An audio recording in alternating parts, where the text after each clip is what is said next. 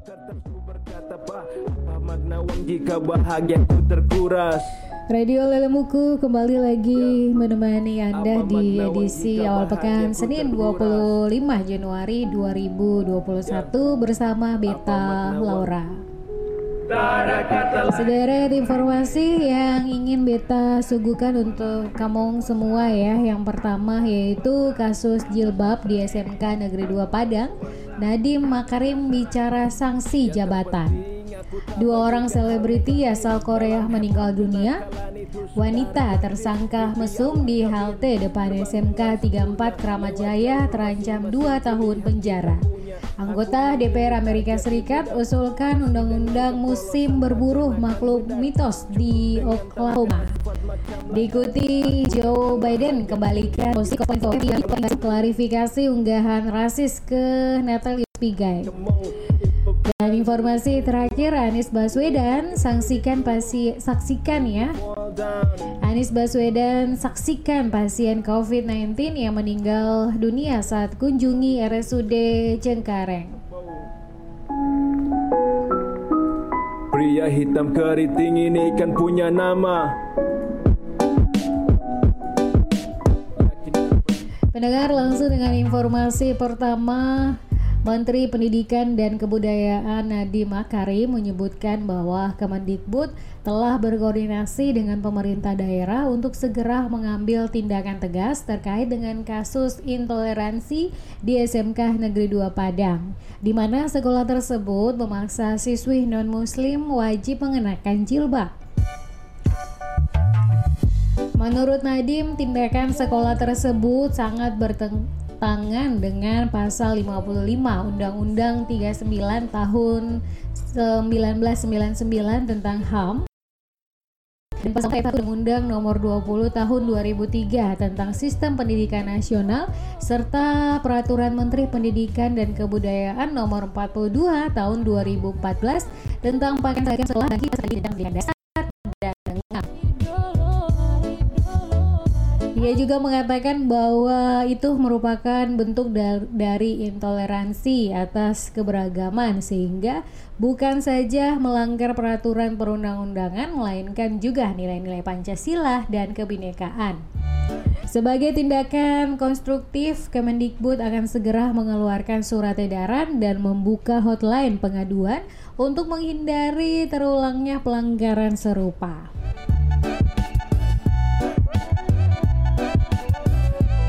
Mendengar penyanyi rap asal Korea Selatan, Iron, ditemukan meninggal dunia pada Senin 25 Januari. Polisi mengungkapkan bahwa Iron ditemukan bersimbah darah di luar apartemennya yang berlokasi di Junggu. Rapper bernama lengkap Song Hong Ku ini terkapar di halaman sebelum penjaga apartemennya menemukannya ya pada pukul 10 lebih 25 menit pagi hari. Ia sempat hendak dibawa ke rumah sakit sebelum dinyatakan meninggal dunia dalam perjalanan. Polisi juga membuka penyelidikan demi mengetahui penyebab pasti kematian dari rapper tersebut. Iron sendiri merupakan rapper yang mulai dikenal setelah menjadi peserta dan semifinal acara Somi Money 3 pada tahun 2014. Ia berhasil menempati posisi kedua, tepat berada di bawah Bobby Icon dalam acara tersebut. Iron juga diketahui mantan uh, trainer uh, Brahi Entertainment, bahkan ia dikabarkan masuk ke dalam daftar member yang akan debut bersama dengan BTS.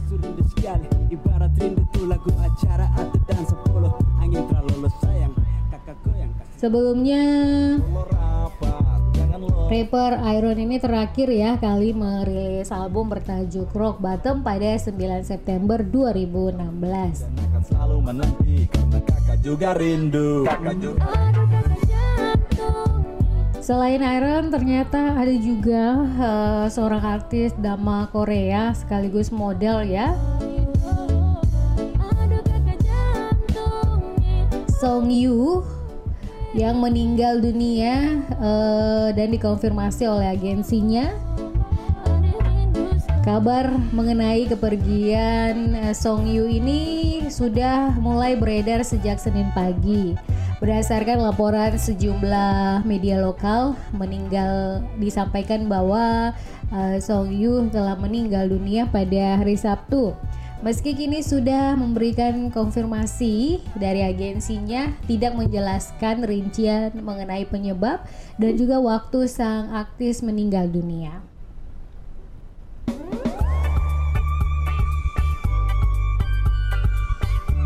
Pendengar Song Yu sendiri merupakan aktris kelahiran 8 Juni 1994 eh, ya. Ia memulai debut sebagai artis pada tahun 2013 melalui drama Golden Rainbow. Setelah itu ia juga bermain dalam drama Make Your Wish pada 2014. Namanya sendiri semakin dikenal ketika turun bermain dalam drama School pada tahun 2017. Ia juga menjadi bintang di sejumlah video musik seperti Goodbye Ruth milik Icon, Standing Ick dengan judul Friend to Lover, dan aktif sebagai model dan juga bintang iklan. Artis yang bernaung di bawah Sublime Artis Agency sejak 2020 ini menjadi bintang iklan sejumlah produk, mulai dari makanan, elektronik hingga kecantikan. Siang malam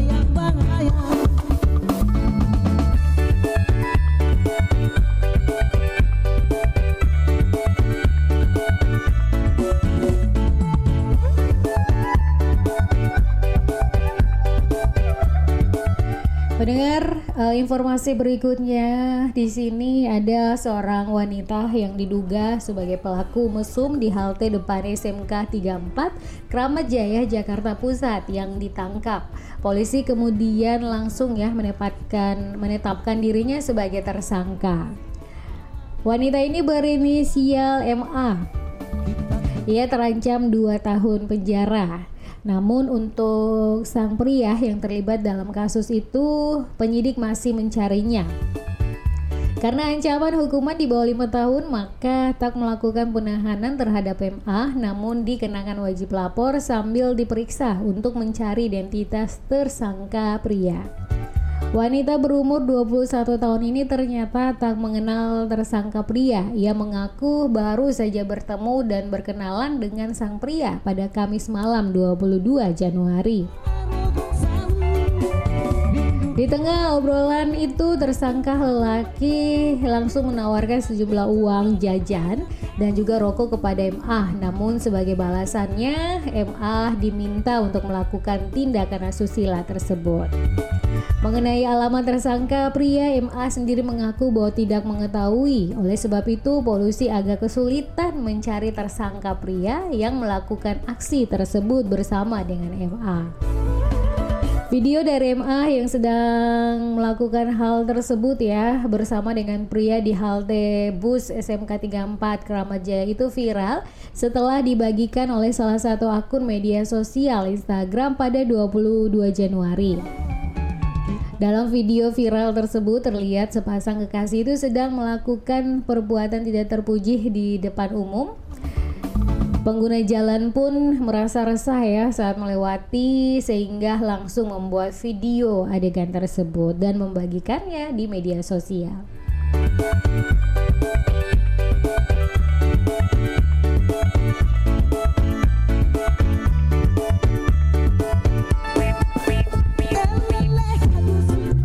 Pendengar anggota DPR di Oklahoma, Amerika Serikat mengusulkan undang-undang yang akan menetapkan musim berburu Bigfoot, yaitu makhluk mirip kera besar yang diyakini sebagai kalangan eh, sebagian kalangan hanya sebuah mitos.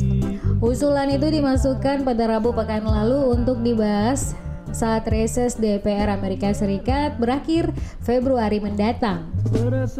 Pengusul adalah seorang Republikan Justin Humphrey. Dia berasal dari daerah pemilihan, di antaranya kawasan hutan pegunungan di Oklahoma sebelah tenggara di wilayah yang berbatasan dengan Arkansas itu pula biasa digelar festival Bigfoot setiap tahunnya. Menurut Humphrey, uh, penerbitan izin resmi berburu bisa sekaligus mendorong pariwisata setempat. Ia mengatakan undang-undang yang diajukannya itu tidak akan melegalkan pembunuhan terhadap Bigfoot, tapi hanya akan mengizinkan penangkapan. Untuk itu dia juga berharap undang-undang kalau disetujui bisa berlaku mulai November mendatang akan menyediakan uang sebesar 25 ribu dolar Amerika untuk ditawarkan sebagai hadiah bagi mereka yang bisa menangkap hidup-hidup Bigfoot. Mika Homewell, Mika Homels ya, juga bicara ataupun juru bicara yang mengatakan bahwa selama ini pengawasan pemburuan di Oklahoma mengarah mengarahkan ya kalau pihaknya menggunakan riset berbasis sains dan tidak menganggap bahwa Bigfoot itu ada. Dia membayangkan dengan adanya undang-undang itu nanti departemen itu akan sibuk dengan musim dan perizinan untuk sesuatu yang tidak mereka percayai. Kemudian uh, eh, DW Lee dari Min America Bigfoot Research Center menyebutkan bahwa Bigfoot sebagai makhluk campuran antara manusia dan orang utan. Ia mengaku telah mempelajari dan juga memburu makhluk itu puluhan tahun.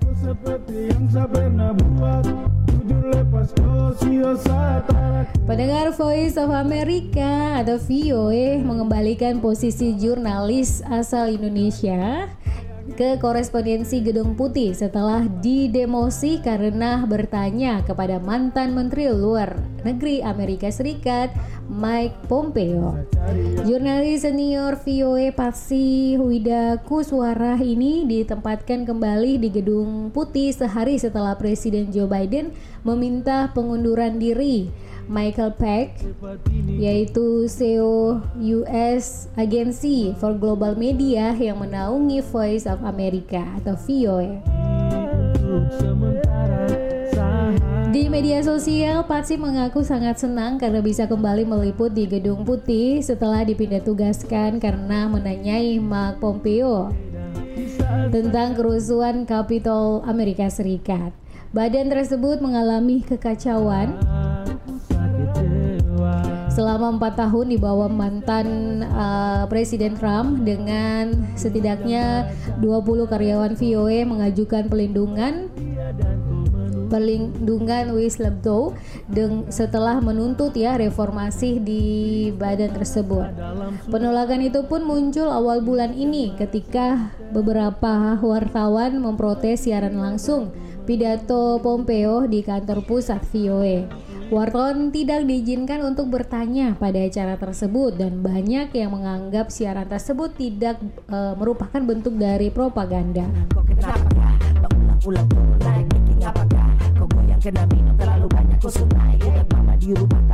Pendengar selama pidato Pompeo mengkritik VOA karena kurang mewartakan berita positif tentang pemerintahan uh, Donald Trump.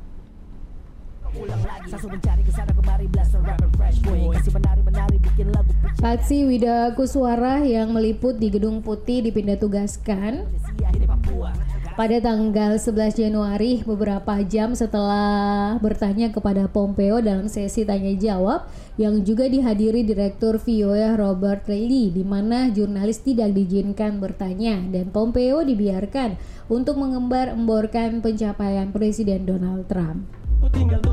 Ketika Pompeo menolak untuk menanggapi pertanyaan, Patsy pun menoleh ke Robert ya dengan bertanya mengapa tidak uh, dirinya tidak mengajukan pertanyaan tidak diizinkan.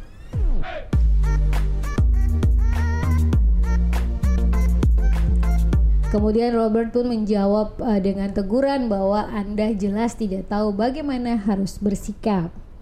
Setelah acara tersebut pun Wida Kuswara berusaha untuk menanyai Pompeo saat ia keluar dari kantor mereka. Dia kemudian dicopot dari penugasan peliputan Gedung Putih. Asosiasi Koresponden Gedung Putih mengutuk mutasi Wida Kuswara yang menurut sumber di VOA dilakukan tanpa penjelasan hanya beberapa jam setelah pidato Pompeo dan terjadi di tengah serangan terhadap demokrasi Amerika Serikat oleh pendukung Presiden Donald Trump yang mengepung Kapitol pada 6 Januari dan menegaskan dan menewaskan ya lima orang. Kemudian mendengar pada 13 Januari dia dipindahkan untuk kedua kalinya. Patsy dipindahkan lagi tanpa penjelasan dan kali ini tanpa pemberitahuan langsung. Pemerintahan Joe Biden bergerak cepat pada Kamis sehari setelah dilantik untuk menunjuk kepemimpinan baru di VOA dan media lain yang didanai oleh Amerika Serikat. Hari pertama menjabat, pemerintahan Biden menghentikan Direktur VOA Robert dan juga wakilnya Elizabeth dan menggantikan uh, mereka dengan jurnalis berpengalaman dengan karir panjang di VOA dan juga jaringan lain yang didanai pemerintah. Robert sendiri digantikan oleh Yolanda Lopez.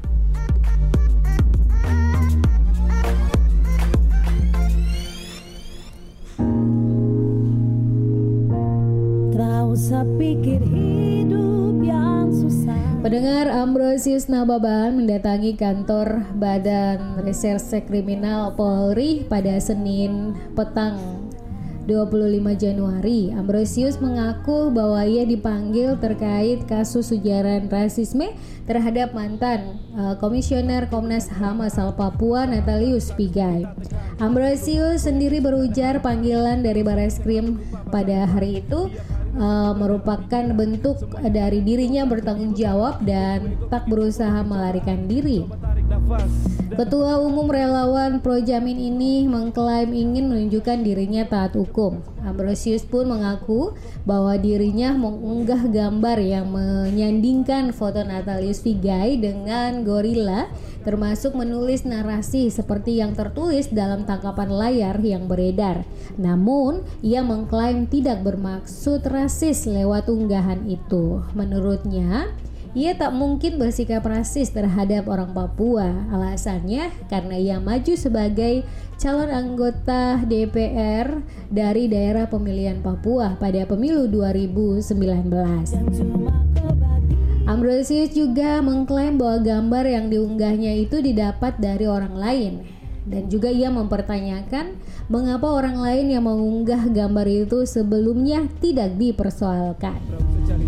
Ambrosius pun menjelaskan bahwa alasan hingga mengunggah status yang kini ramai dipersoalkan itu ia dengan Natalius Pigai yang menyerang program vaksinasi COVID-19 oleh pemerintah. Menurutnya, vaksinasi sangat uh, diperlukan masyarakat Indonesia di tengah pandemi. Presiden Jokowi sendiri disebut menunjukkan etiket baik dengan menjadi orang pertama yang divaksin. Ia mengaku tidak masalah dengan adanya orang yang menolak vaksin COVID-19, tetapi ia menilai hal itu seharusnya tidak diekspos kepada publik.